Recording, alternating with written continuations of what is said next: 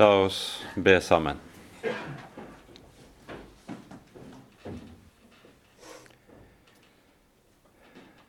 Kjære gode Herre og Hellige Far. Så takker og lover vi deg på ny for all din nåde, for all din godhet imot oss. Takk, Herre, mest av alt, for syndenes forlatelse, som du har gitt oss i din elskede Sønn. Takk, Herre, for ordet ditt, der du kommer til oss, åpenbarer deg for oss, at vi skal få kjenne deg og ha lys til å leve og vandre på dine veier. Nå ber vi, gode Herre, at du vil være hos oss denne kvelden. Send din Hellige Ånd, og la oss få ha lys i dine ord, både når du taler til tukt og til trøst. Herre, forbarm deg over oss. Amen.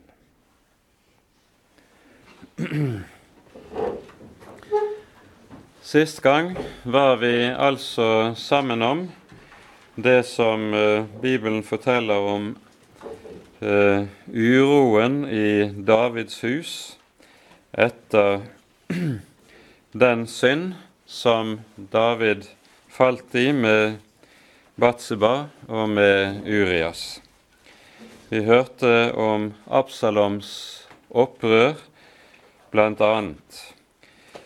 Like etter dette opprøret til eh, Absalom, så er det en annen oppstand i Israel som springer ut, ikke tilfeldig, av Benjamins stamme. Det var jo fra Benjamins stamme Saul kom, og der det, har det nok vært hele tiden en viss motvilje mot Davids hus som har ligget under jorden. Og etter opprøret ved Absalom så bryter det ut også en oppstand mot David, som vi leser om i det tyvende kapittelet i 2. Samuels bok. Det er anført av en mann av Benjamin som heter Seba, og blir nokså snart slått ned. Og med det er det viktigste som 2. Samuels bok har å berette om Davids kongebok og konge, eller kongetid til ende. Det vi nå leser videre fra kapittel 21 og ut kapittel 24, som det er altså det avsnittet vi skal ta for oss i dag, er mer å betrakte som et appendiks til 2. Samuels bok. Vi hører i kapittel 22 om den lovsang som David dikter når Herren har fridd ham fra alle hans fiender. Ehm, den er nesten ordlydende lik Salme 18, som vi finner i Salmenes bok. Eh, forskjellen er bare at det er visse endringer som er gjort i salms, det vi leser i Salme 18, som gjør at den kan egne seg til bruk i bønnen og lovsangen i tempelet. Altså at den bedre skal egne seg for liturgisk bruk. Dernest har vi Davids åndelige testamente i kapittel 23 hans siste ord. Det har vi vært innom så vidt tidligere, men vi skal komme tilbake til det neste gang. For de to siste bibeltimene denne høsten kommer vi til å bruke, altså neste gang og den siste før jul, på de salmer som David har diktet, og som taler om den kommende Messias. Og Disse springer alle sammen ut bl.a. av Davids siste ord i kapittel 23. Og Derfor lar vi det avsnittet ligge i dag. Vi hører nå altså dermed om noen begivenheter som utspinner seg i Davids liv og som ikke er enkle å tidfeste. Den første er det vi hører om i kapittel 21. Det er antagelig noe som har skjedd relativt tidlig i Davids kongetid. Vi står her altså overfor begivenheter som ikke lar seg innordne kronologisk i Davids liv. For øvrig er det jo slik at Samuelsbøkene, både første Samuels bok og altså annen Samuels bok frem til kapittel 20, lar seg lese kronologisk, men slik er det ikke med disse siste kapitlene i annen Samuels bok. Det vi hører om i kapittel 21, det er altså noe som sannsynligvis har skjedd relativt tidlig i Davids kongetid, muligens allerede de, inn de syv første årene. Men vi vet altså ikke når dette er. Det er også en av de frykteligste fortellingene vi har i Det gamle testamentet overhodet.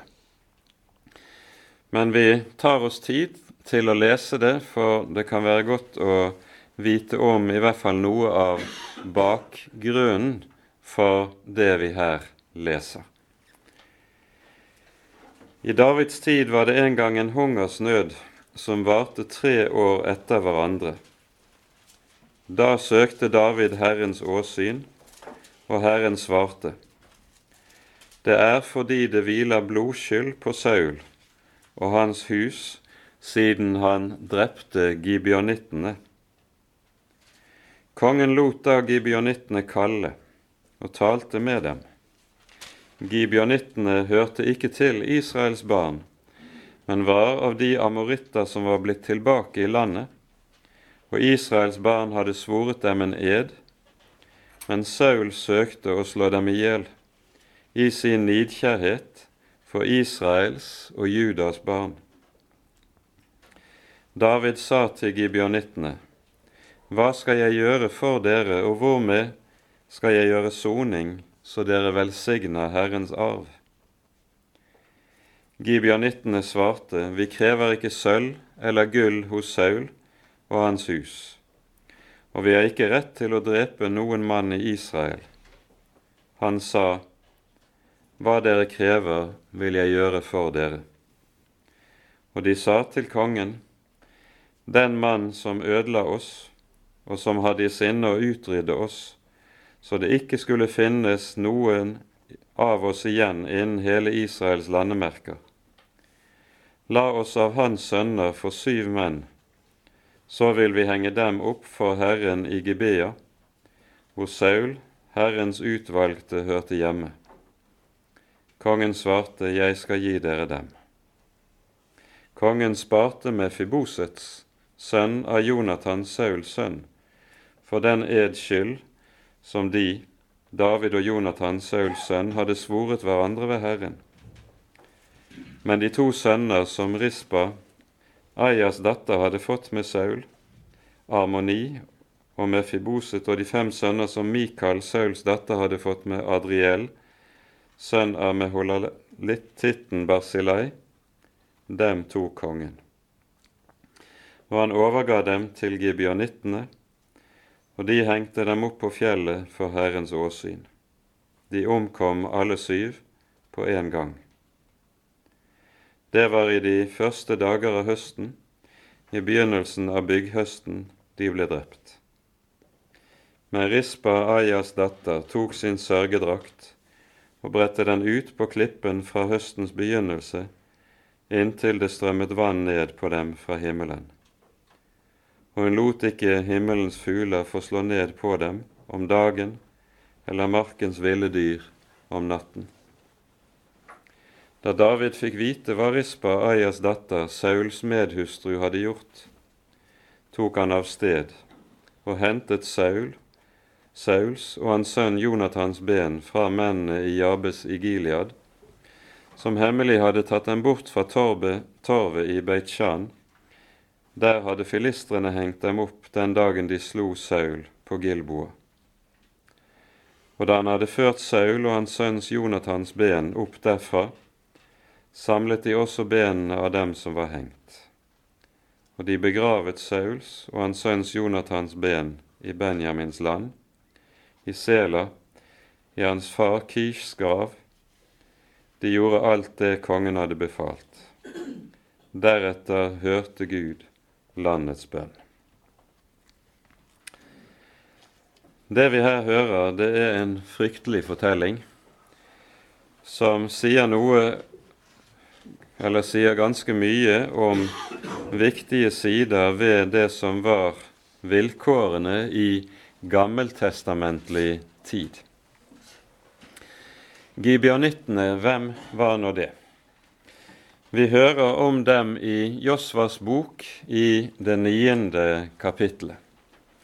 Det er et kananittisk folkeslag som når Josva og Israel har gått inn i landet, sånn som vi hører det i begynnelsen av Josvas bok, og har erobret Jeriko og deretter Ai, så frykter gibionittene for Israels folk.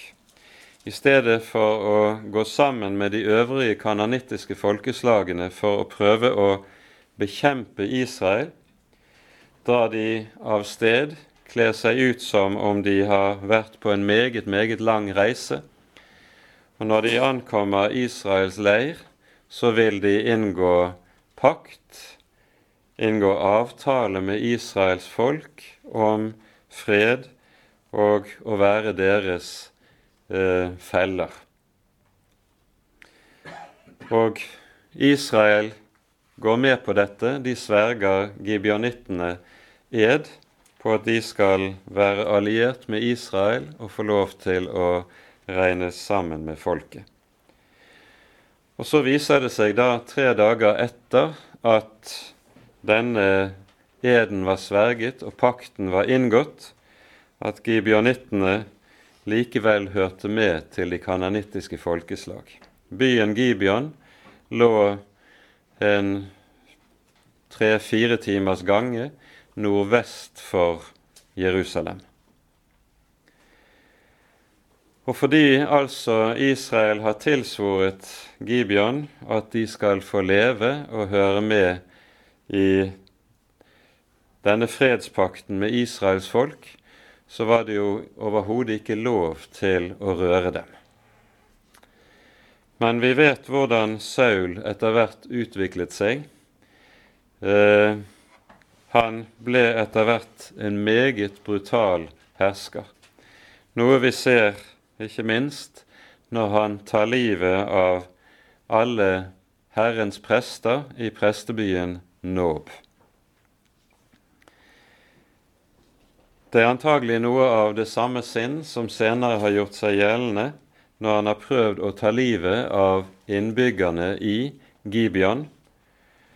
Og dette kommer altså til å hvile over hele landet som blodskyld, og som altså da straffes av Herren med en tørke som rammer landet. Nå er det i Mosebøkene ganske så klare og ganske så strenge lover for hvordan en skulle forholde seg til den slags drap som det her er tale om.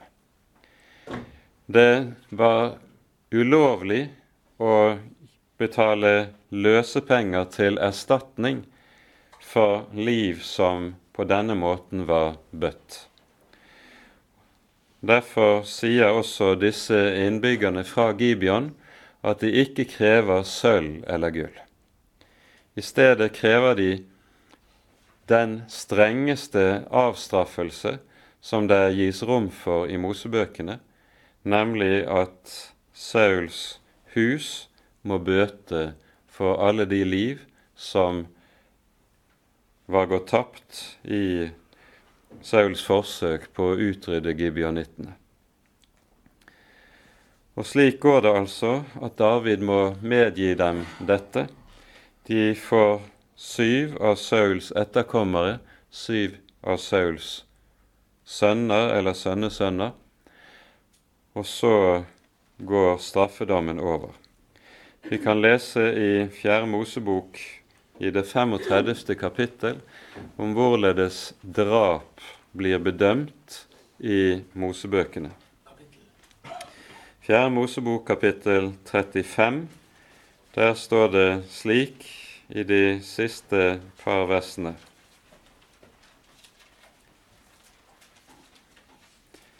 Vers 31 og ut. Dere skal ikke ta imot løsepenger for en manndrapers liv når han er skyldig til døden. Han skal late livet.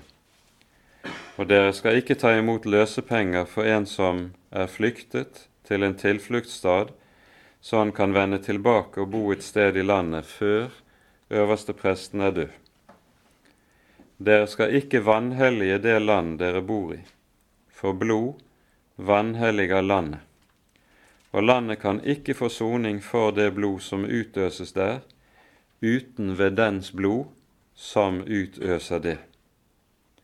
Du skal ikke gjøre det land dere bor i, urent, det land i hvis midte jeg bor, for jeg er Herren som bor midt iblant Israels barn. Og Etter denne loven er det altså David nå må medgi gibeonittene det kravet som de får. Og dette er altså en del av det som var kårene i gammeltestamentlig tid. Det å utgyde eller forvolde et annet menneskes liv dersom det var gjort med vilje, det bedømmes altså uhyre strengt. Dersom en kom til i skade for å ta et annet menneskes liv ved en ulykke, da var det mulighet for å redde livet. Da hadde Herren gitt seks tilfluktssteder i landet, fristeder som det ble kalt, og dit kunne en som ved et uhell kom til å drepe et annet menneske, ta tilflukt. Men han måtte bli i tilflukts- eller fristaden så lenge ypperstepresten levet. Når ypperstepresten døde, da var han fri. Da kunne han igjen vende tilbake til sitt eget hjem. Men dette er altså ordningen som var i gammeltestamentlig tid. Og vi ser liv blir meget, meget strengt bedømt, sånn som vi hører det her. Og det er både rørende og gripende å lese om Rispa Ayas datter, som sitter og vokter over de døde kroppene til sine sønner gjennom en hel sommer. Hvetehøstens tid faller omtrent på den tid vi feirer pinse, i måneden før det, altså rundt mai måned, og regnet faller ikke før ut i slutten av oktober. Hele denne tiden har hun sittet og voktet over likene av sine døde. Det er en forferdelig historie som forteller ganske mye altså om det som var kårene i gammeltestamentlig tid. Dette hørte den gamle pakt til. Den nye pakt er kårene annerledes.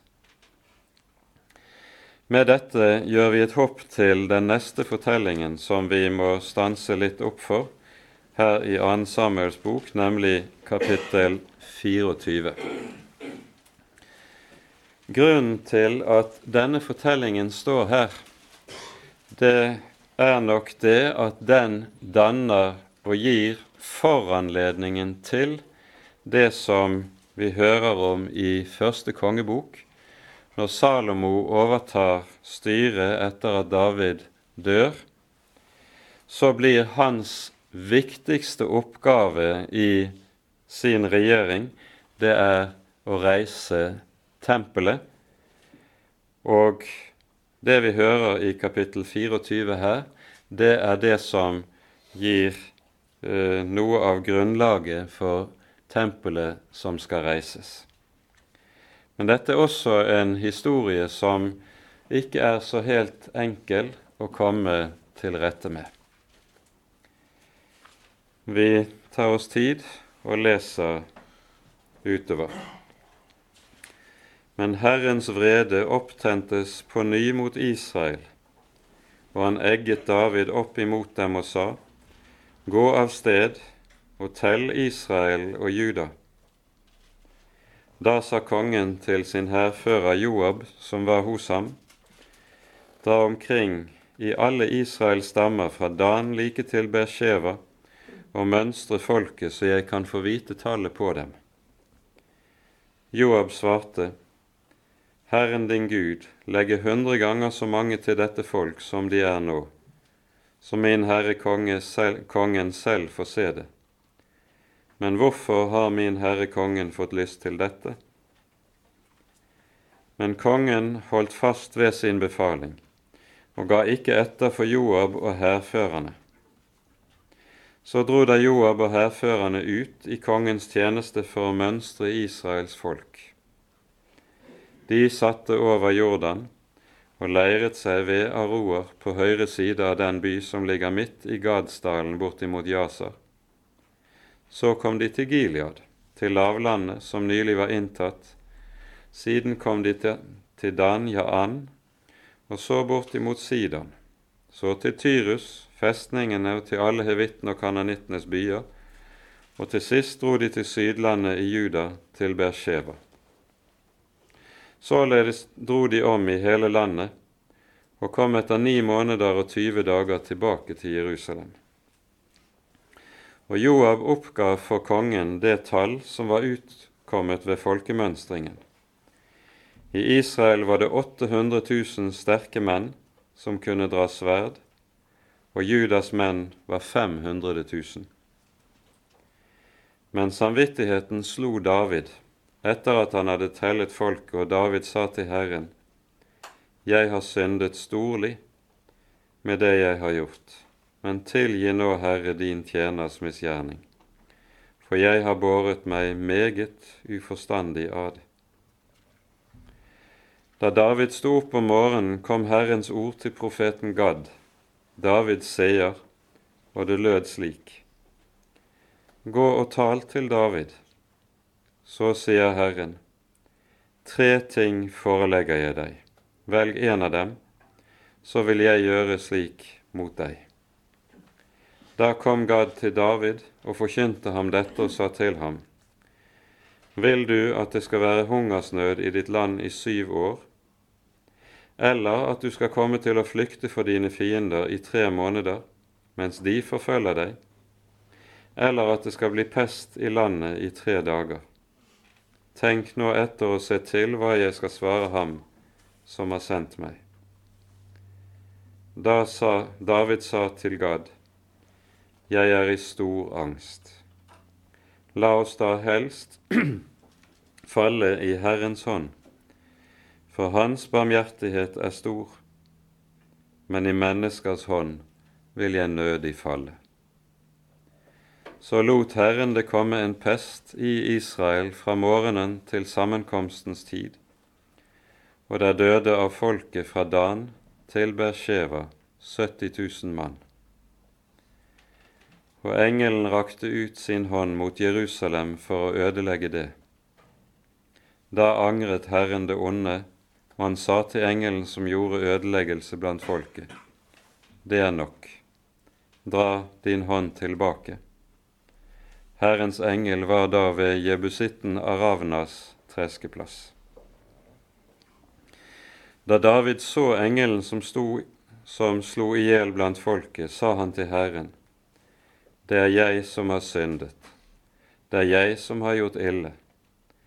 Men denne min jord, hva har de gjort? La din hånd komme over meg og over min fars hus. Samme dag kom Gad til David og sa til ham, Gå opp og reis Herren et alter på jebusitten av Ravnas treskeplass. Så gikk David dit opp, etter Gads ord, således som Herren hadde befalt. Da Aravna så ut, fikk han se kongen og hans tjenere som kom over til ham. Da gikk Aravna ut og kastet seg ned for kongen med ansiktet mot jorden.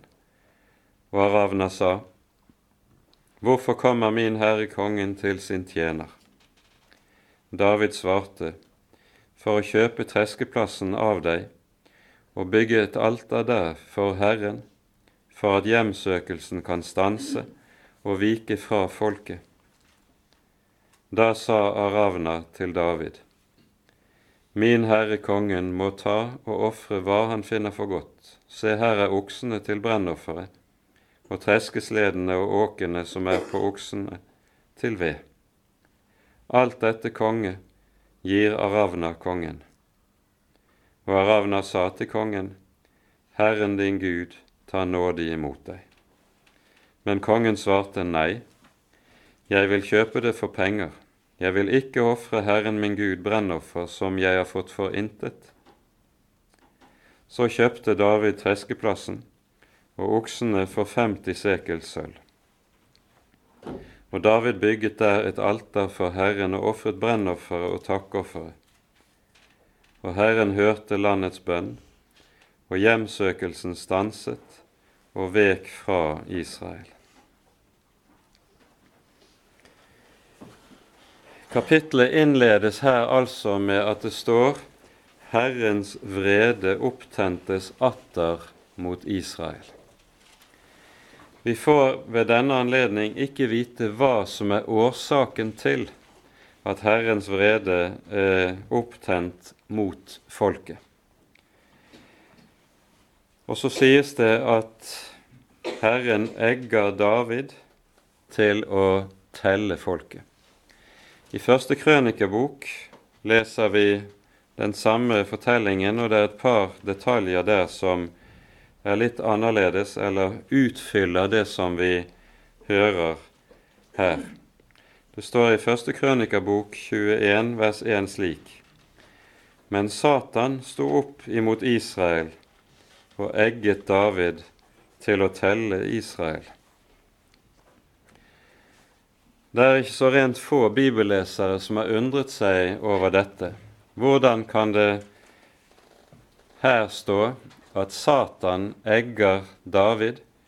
Og så står det, som vi leste det i 2. Samuels bok, at Herren egget David. Hvordan kan det henge sammen? Det henger sammen med noe som er en viktig side ved Bibelens tale om Guds vrede. Det er meget ofte slik at djevelen er redskap for Gud når Gud skal iverksette sin vrede i en eller annen sammenheng. Det ser vi flere andre tekster. En av de viktigste finner vi i første kongebok 22. kapittel, der vi hører om Guds dom over den ugudelige kong Akab i Samaria. Og så er det at Herren sender Satan, den onde, som bedrar Akab til å dra i en krig der han kommer til å falle. Og slik blir altså Satan redskap for Guds vrede, så han iverksetter vredesdommen fra Herren. Og med dette er vi inne på noe som er både uhyre vanskelig og samtidig betydningsfullt for oss å være klar over i vår bibel. Vi ser nemlig stadig når Gud, Guds vrede rammer hans folk, så bruker Herren både mennesker som står ham imot, til å iverksette vreden, på samme måte som vi altså her hører at Gud bruker Satan, den onde, til å iverksette sin vrede. Disse blir altså redskaper til å utføre Guds dommer. Når vi i Bibelen hører tale om Guds vrede, er det en annen sak som vi også må være klar over. Guds vrede er i Bibelen alltid Guds hellighetsreaksjon mot synd og mot det onde. Og Det er viktig å være klar over. Guds vrede er aldri, slik som vi møter det hos mennesker, uttrykk for f.eks. at Gud skulle være hissig eller i ondt lune. Den slags kan man lese om hos avgudene. Noe slikt finner vi ikke hos Herren Israels Gud. Det er ikke noen lunefullhet eller hissighet som ligger bak. Men vreden er alltid definert som dette. Det er Guds hellighetsreaksjon mot synd og mot frafall.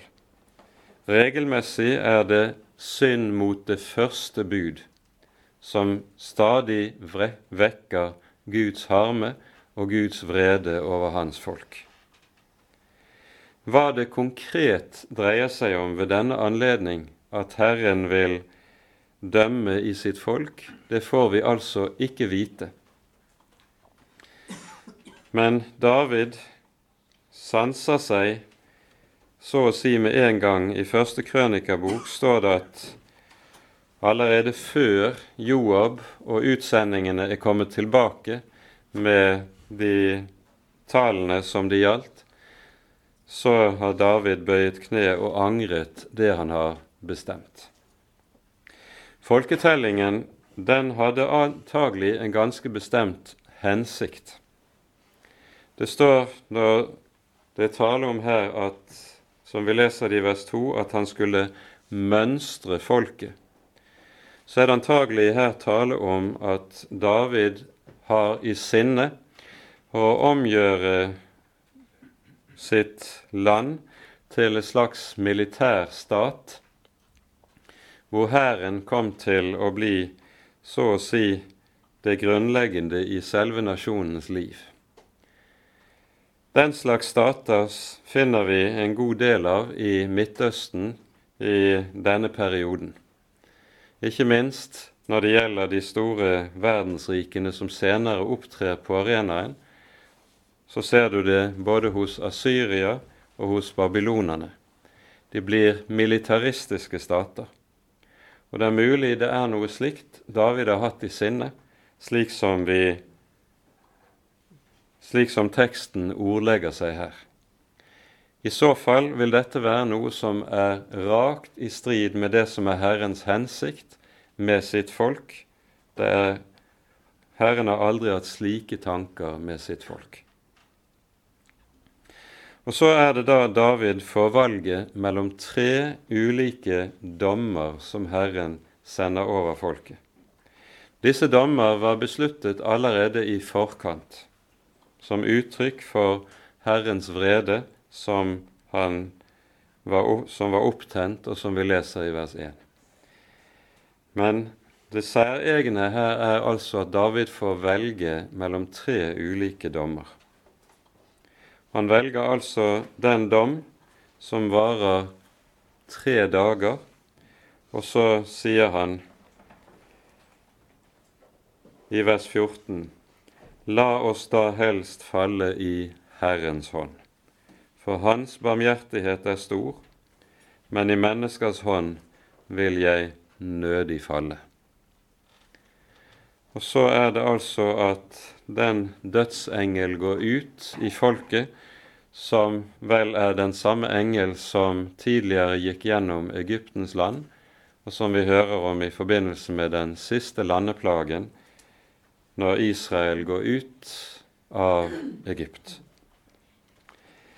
Men i stedet for at plagen varer i tre fulle dager, så bryter den altså løs om morgenen, men stanser tidlig på ettermiddagen, når Herrens engel er kommet til Jerusalem, og Herren og David ser engelen stå i, mellom himmel og jord over byen med sverdet pekende mot byen. Da er det at David på ny bøyer kne og får befaling om hva han skal gjøre. Han skal bygge et alter og ved det alteret så stanser altså dommen. Dommen blir meget, meget kortere enn det som han opprinnelig var blitt foresvevet. Dette utgjør da bakgrunnen for at David kjøper Aravnas treskeplass.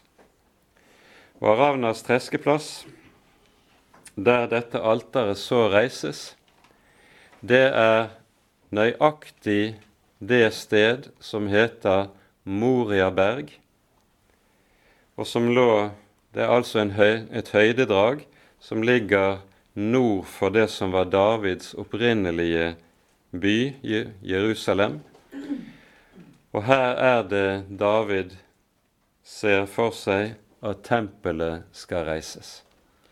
Og nettopp på Moriaberg, hvor Abraham en gang på Herrens befaling skulle ofre sin Isak, der er det Herrens helligdom også skal reises. Vi hører beløpet som David betaler for dette. Det er 50 sekel sølv for selve treskeplassen. Senere kjøper David også hele det omkringliggende området, og da blir det en langt høyere kjøpesum, som vi hører i første krønikebok, 600 sekel gull. Og det er en ganske betydelig kjøpesum. Så kan vi spørre oss når er det dette skjer i Davids liv? Det vet vi ikke, men antagelig er det henimot avslutningen av Davids liv. For når vi blar opp på den parallelle beretning i første krønikebok og leser der utover fra kapittel 21, så fører dette at David nå har kjøpt denne treskeplassen, til at David er seg klart bevisst det er her Herrens tempel skal reises. Og det medfører at David så å si på sine gamle dager på ny gir seg inn i, kaster seg inn i, en veldig aktivitet som om han var, hadde vært ung igjen. En aktivitet som handler om at han vil forberede at tempelet skal reises. Han samler forråd, både stein, materialer, tre, gull, sølv, kobber, alt det som skal anvendes i byggingen av tempelet, det samler han nå for at tempelet skal kunne reises. Og så er det at han også kaller Salomo for seg og legger Salomo dette på hjertet som det viktigste i hele Salomos kongsgjerning som ligger foran. Og Nå går vi til første krønikabok, kapittel 22.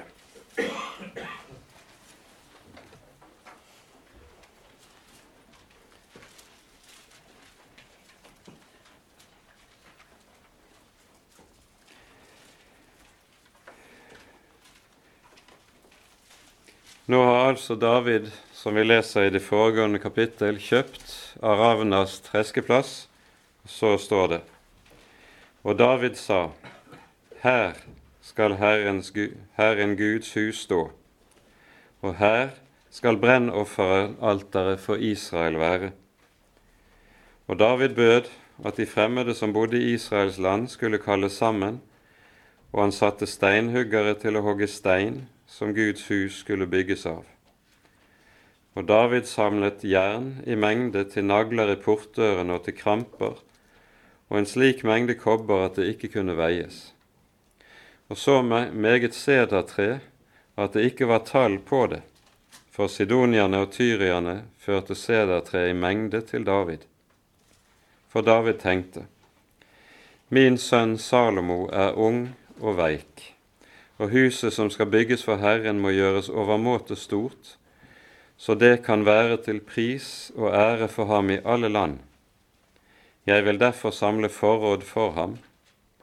Så samlet David forråd i mengde før han døde. Og han kalte sin sønn Salomo til seg og bød ham bygge et hus for Herren, Israels Gud. Og David sa til sin sønn Salomo, Jeg hadde i sinne å bygge et hus for Herren min Guds navn. Men Herrens ord kom til meg, og det lød slik. Du har utøst meget blod og ført store kriger. Du skal ikke bygge et hus for mitt navn, for du har utøst meget blod på jorden for mitt åsyn. Men du skal få en sønn, han skal være en fredens mann, og jeg vil la ham få fred for alle sine fiender rundt omkring. For Salomo skal være hans navn, og jeg vil la Israel ha fred og ro i hans dager.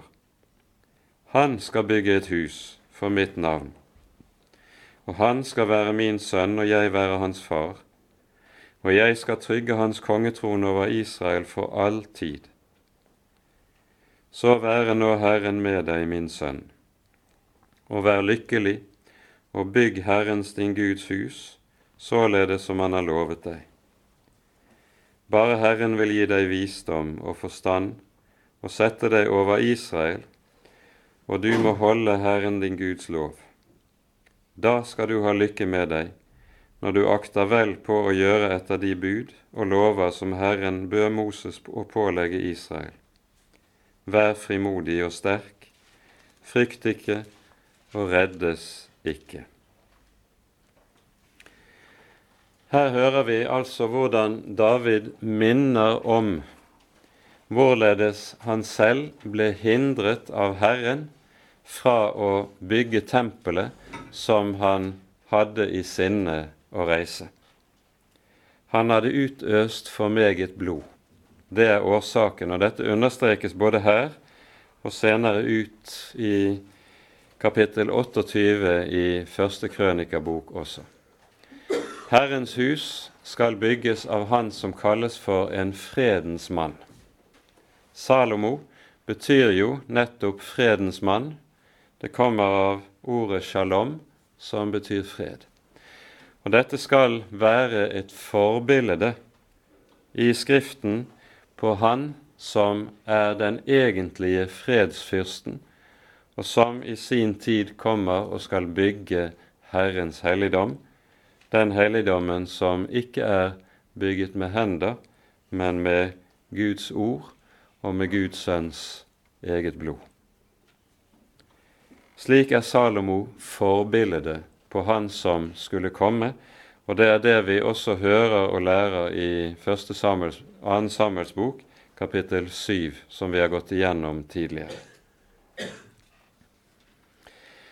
Og Med dette som David her sier, så får vi nå noen kapitler fremover i første krønikabok som både beretter om hvorledes David overfører kongemakten til Salomo, mens David altså fortsatt er i live, og dernest om hvilke forberedelser som David gjør med tanke på tempelet og gudstjenesten som skal foregå der.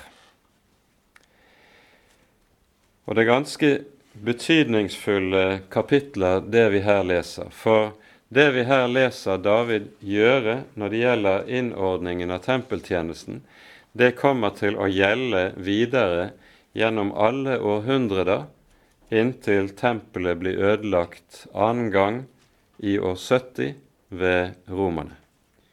Gjennom tusen år kommer de retningslinjene som David her legger ned for tempelet og tempeltjenesten, til å være i bruk og være det som en holder seg til.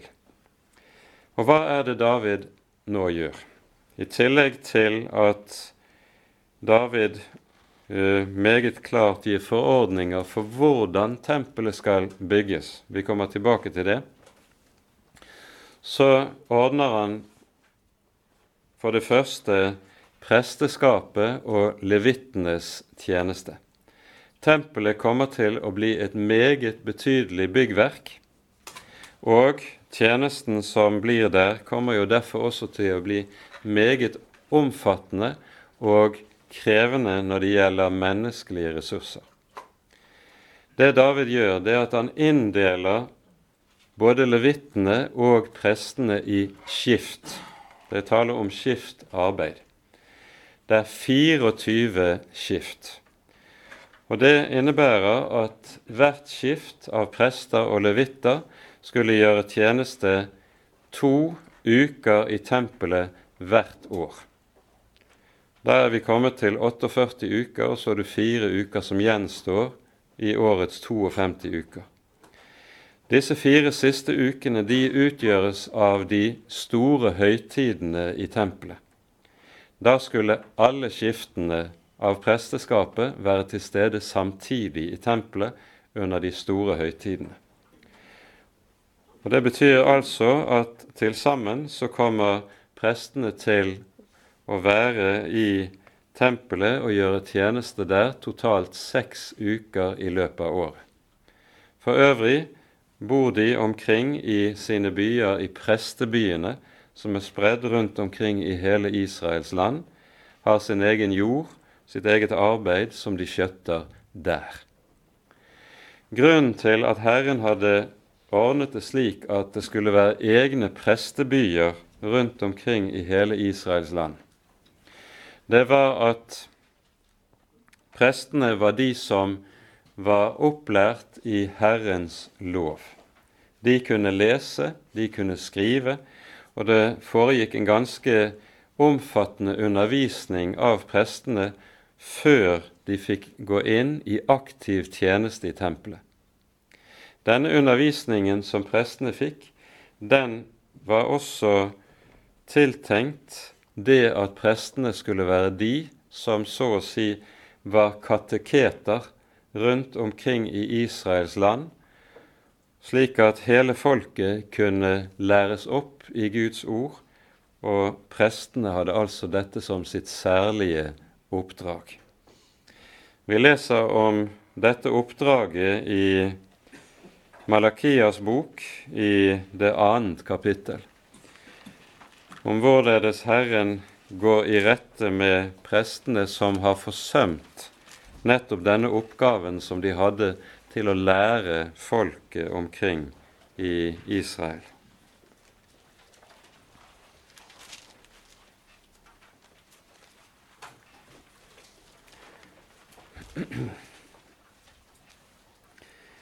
Nå kommer dette bud til dere, dere prester.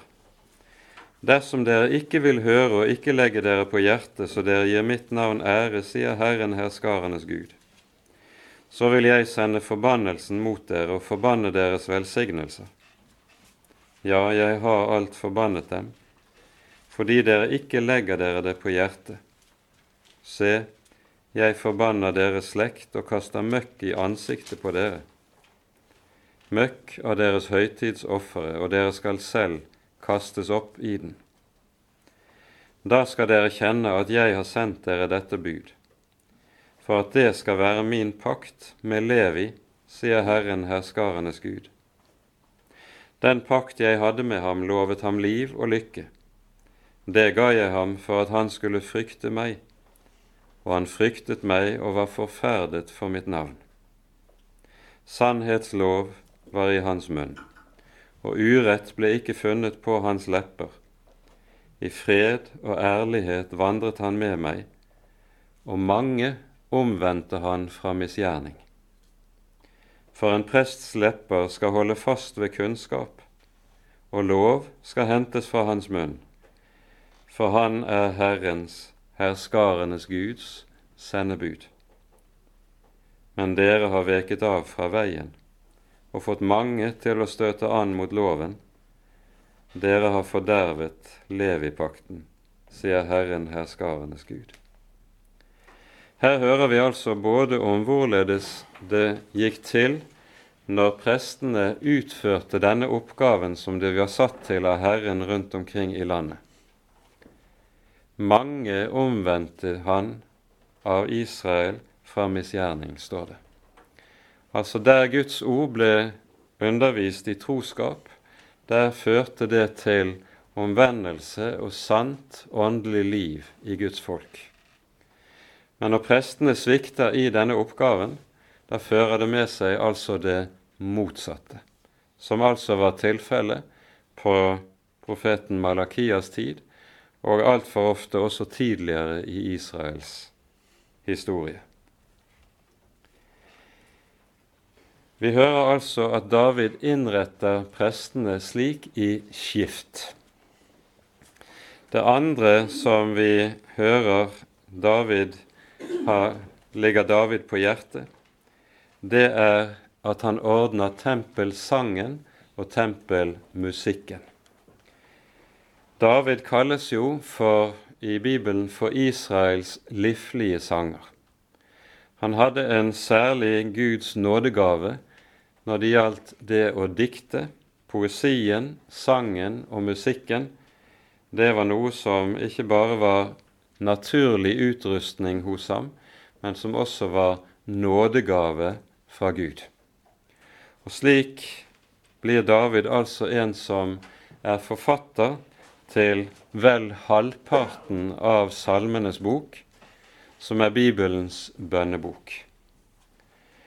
Og det er denne Salmenes bok som også blir grunnstammen i lovsangen som skal lyde i tempelet i Jerusalem, og, som, og det er Davids musikk som også blir grunnstammen i den musikk som lyder der i helligdommen.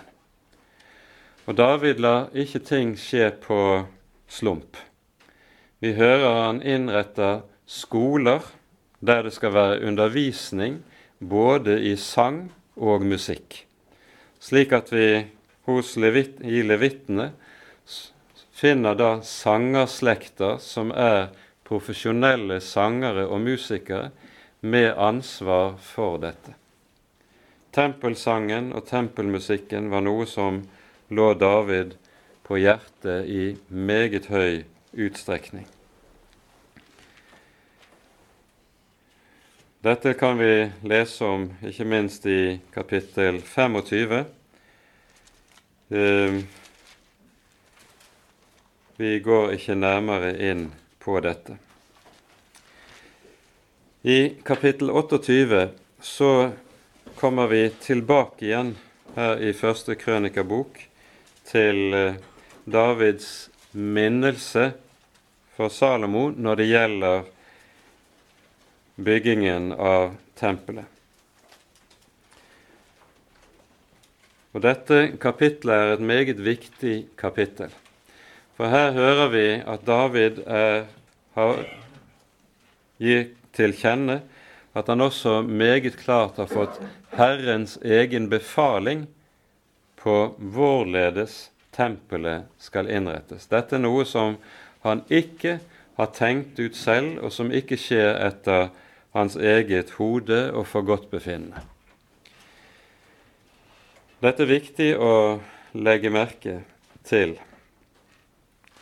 eh, fordi det samme gjaldt jo når tabernaklet ble reist, slik som vi leser om det i 2. Mosebok fra kapittel 25 av og utover. Her sies det flere ganger til Moses se nøye til at du gjør alt etter det bildet som ble vist deg på fjellet. Herren har vist Moses et bilde av den himmelske helligdom, og så skal alt gjøres etter det bildet som Moses har sett. På samme måte har David også fått befaling om hvorledes gudstjenesten og alt der skal innrettes av Herren. Og Poenget med dette her er at Herren er meget, meget nøye med alt det som har med gudstjenesten i Hans hus å gjøre. Det skal ikke skje på slump. Det skal ikke skje etter mennesketanker eller ut fra menneskepåfunn. Det er det som er det avgjørende i denne sammenheng. Vi leser nå fra kapittel 28, eh, og vi leser fra vers 9 av. David taler til Salomo, og så sies det:" Og du, min sønn Salomo, Lær din fars Gud å kjenne og tjen ham med udelt hjerte og med villig sjel. For Herren ransaker alle hjerter og forstår alle menneskers tanker og råd. Dersom du søker ham, skal han la seg finne av deg, men dersom du forlater ham, skal han forkaste deg for all tid. Se nå til, for Herren har utvalgt deg til å bygge et hus til helligdom. Vær frimodig og gå til verket. Så ga David sin sønn Salomo et bilde av forhallen og tempelbygningen, skattkammerne, loftsrommene, det indre rom og rommet og nådestolen, og et bilde av alt det som i ånden sto for ham av foregårdene til Herrens hus, og alle kammerne rundt omkring for skattene som hørte til Guds hus og de helligede ting. Vi hopper så ned til vers 19. Om alt dette sa David, om alt som skal gjøres efter bildet, har Herren opplyst meg ved et skrift fra sin hånd. Så sa David til sin sønn Salomo, Vær frimodig og sterk, og gå til verket. Frykt ikke og vær ikke redd. For Gud Herren, min Gud, er med deg. Han vil ikke slippe deg og ikke forlate deg før alt arbeidet for tjenesten ved Herrens hus er fullført.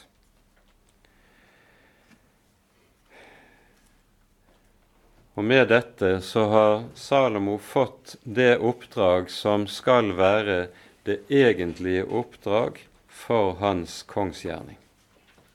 Tempelet i Jerusalem blir hjertet i Guds folks liv. Fordi Herren har gitt et ganske bestemt løfte når det gjelder helligdommen. Der vil han bo midt iblant sitt folk. Og i kraft av den forsoningens tjeneste som skjer i helligdommen, lover Herren, jeg vil være deres Gud, og dere skal være mitt folk.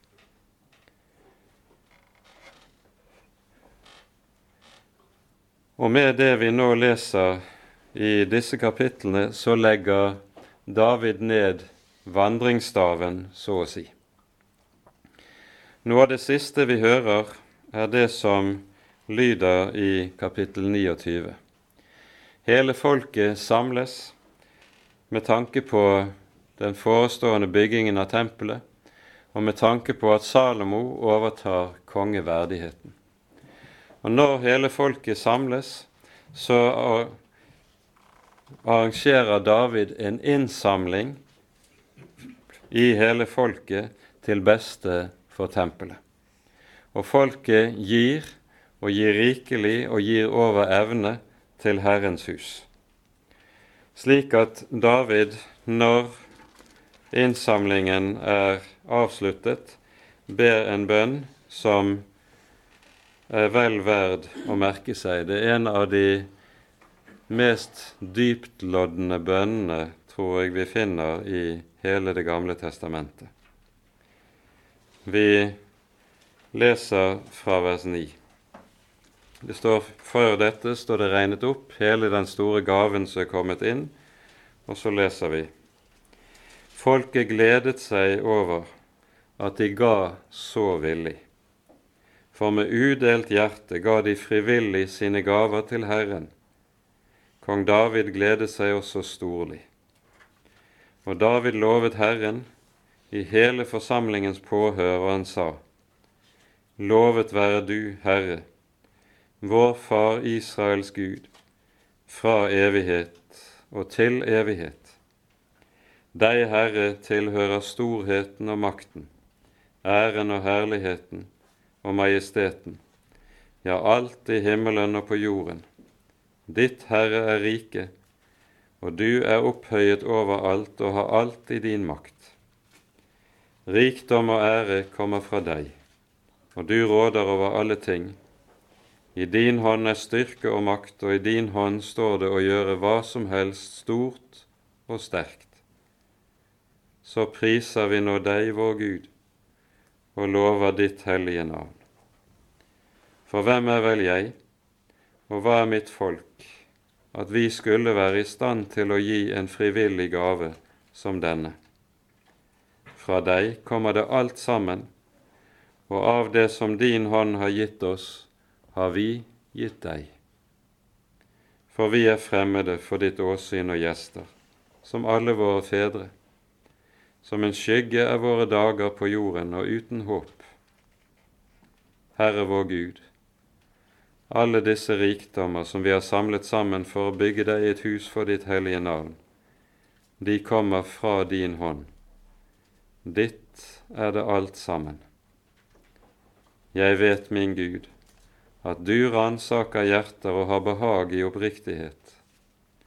Av et oppriktig hjerte har jeg ville gitt deg alt dette, og med glede har jeg nå sett hvorledes ditt folks, som står her, frivillig har gitt deg sine gaver. Herre, du Abrahams, Isaks og Isaks, Israels, våre fedres Gud. La dette alltid være ditt folks hjertelag og tanke, og vend deres hjerte til deg. Og så er det med dette at David legger ned vandringsstaven. Davids liv har vært et liv med mye lidelse og mye smerte. En god del av det vet han, det er slikt som var selvforskyldt. Men midt oppi alt så har Davids liv også vært et liv som sto i Herrens hånd. Og så er det det vi har lest nå i dag, utgangen av hans ferd.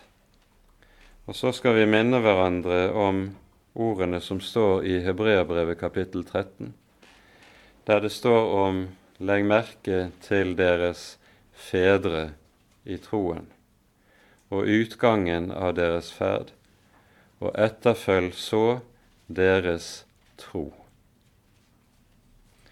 Det er ikke alltid vi skal etterfølge våre fedre i deres ferd men vi skal etterfølge dem i deres tro. Og Dette er det ikke minst vi skal minne hverandre om når vi leser om Davids utgang. For her er det vi også klart ser Davids tro, og hvordan hans hjerte er styrt av hans tro. I din hånd er alle mine tider. Du gjenløser meg Herre, du trofaste Gud. Slik ber David i en av sine salmer, som er aftenbønnen, som har vært bedt oppover gjennom historien. Dette er også aftenbønnen i livets aften, og David kan bekjenne det. I din hånd var alle mine tider. Du forløste meg, Herre, for du var den trofaste. Også når David var troløs, så vis, visste David at Herren var trofast. Og Med det setter vi punktum for denne dagens gjennomgang. Ære være Faderen og Sønnen og Den hellige ånd, som var og er og være skal, en sann Gud, høylovet i evighet. Amen.